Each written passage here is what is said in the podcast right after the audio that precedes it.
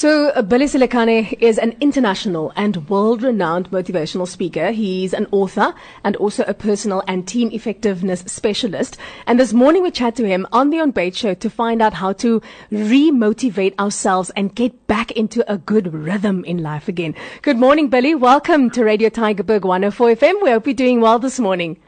Thank you very much, and thanks for having me. Indeed, I'm doing exceptionally well, and hope you too are. Wonderful. yes, yes, indeed, we are. Um, so, Billy, what do you feel has been the running thread of how people are feeling during this time of COVID 19 and lockdown? I think one of the things that uh, we've come to an agreement with a lot of my colleagues and uh, other professionals was the fact that we are in, in this continued post traumatic stress disorder. Mm. You know, now, post traumatic, it says post, but we are in there. So we have not gone past it yet. So there's been a level of uh, complete uh, devastation, uh, confusion, uncertainty. And, and one of the saddest things that has been happening, because of the consistent bad news of people passing away, economies going down, we have reached a level where the saddest thing that is happening to humanity is we're becoming, we're getting to what I call empathy fatigue. So even though we've gone through this devastation and this massive change, by the same token, we've now come to be at terms with what is happening, but not in a positive way, in almost like a way that we feel a bit defeated because mm. we're fighting an enemy that we can't see, we, we can't smell, we can't touch, that changes, you know, uh, their movement and, and, and where they go at, at their will. So it's been quite a, a globally devastating and uh, sad moment, I must say.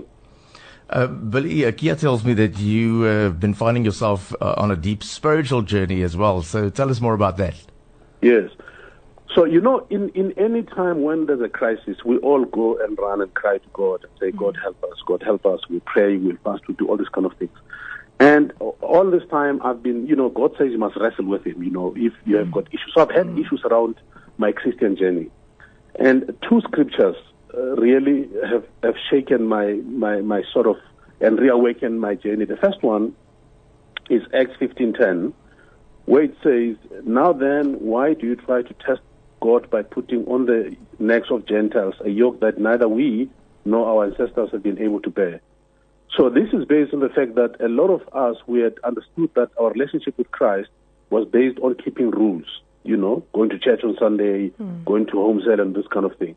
And I realized that it's not actually what it should be. Because if you then go into the book of Revelation uh, 3.16, it says, So because you are lukewarm, neither hot nor cold, I'm about to spit you out of my mouth.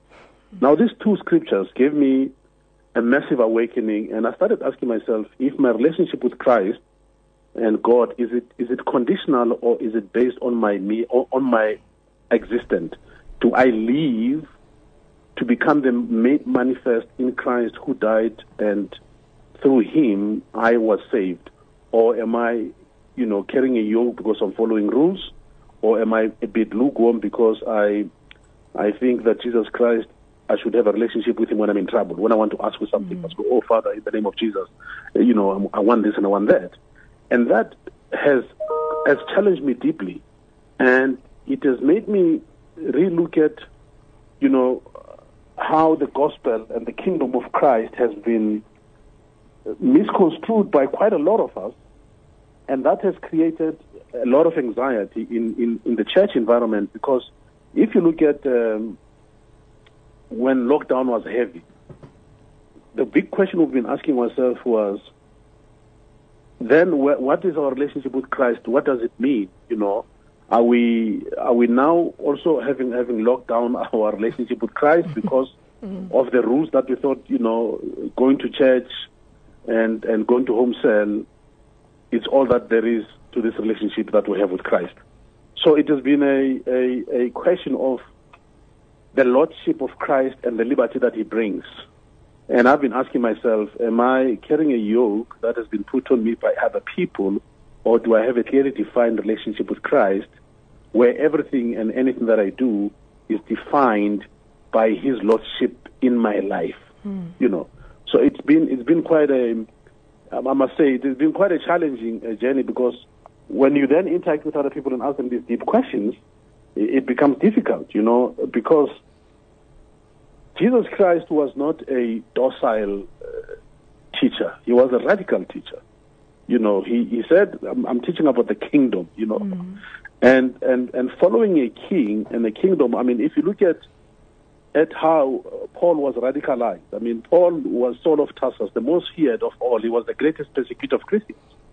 And Christ said, you know, the only way I can, I can make people believe how powerful my teaching are is to take the man that they, they, they fear the most and transform him, change him, make him Paul, and let him be the one that I sent to go and reawaken the relationship that I need to have with my people. And and for me, it has been it has been very eye opening, quite humbling, and very challenging as, as well. You know, because mm. uh, I've realized that you know what I've been I've been just playing the the game. You know, I've I've just been following the popular way, but I've not really been having a very deep, meaningful relationship with Christ in a way that anything and everything that I do represents Him. Because you know, one of the uh, one of the old uh, Roman Catholic priests, his name was Saint Paul, uh, Saint Francis of Assisi. He once said a very powerful statement. He said that uh, go preach the gospel, and if necessary, use words. The implication is the implication, therefore, is your life should be a testimony of the gospel. Mm. By the time you tell people, it's too late. You know. And and for me, I've been asking myself, when people see me, do they see Christ in me? Mm. And that has been a very difficult question to answer.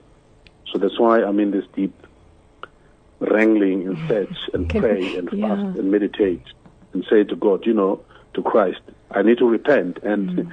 one of the things, uh, again, when we talk about repentance, I've always said to people, I, I wonder if people really understand the true essence and the true meaning of what repentance is. Mm. You know, because repentance literally means you must die. And, and a new person must, must come to life. Mm. And that new person can't carry the same attitude, to the same way of doing things that the old person had. You can't carry the same anger and the same frustration and the same grudges and the same uh, lack of faith that the old person has. This new person, when he or she walks into a room, light must they must be, they must bring light with them, mm. And and therefore yes, I'm I'm, yeah. I'm really wrangling with God and, and, and having a deep personal uh, conversation with with Christ because mm. He said you'll search for the truth and once you find it, it will set you free. So I sense that I'm really getting closer to the truth, mm.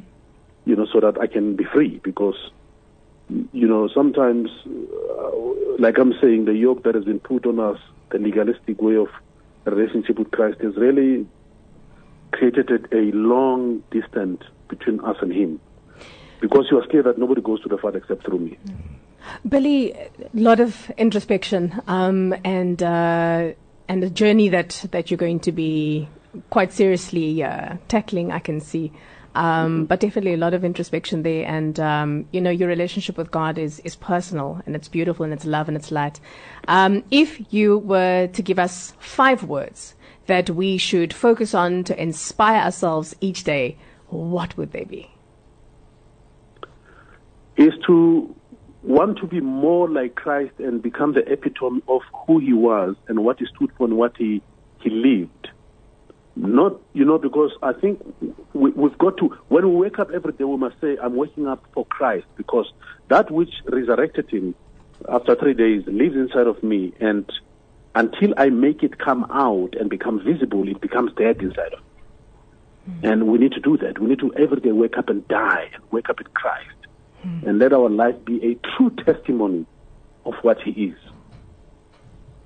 Billy, thank you so much for joining us this morning. Thank you for sharing such wonderful inspiration. And um, thank you for just sort of humbling us in this moment, I hmm. think. Uh, Anton and myself yeah, both were kind of looking at each other going, yeah, yeah, we get it, we get it, you yeah, know. Thank you very much for joining us this morning. And I must just, I must just uh, ask you that being a motivational speaker, I'm guessing your blood type is B positive. no, it's A positive. A positive.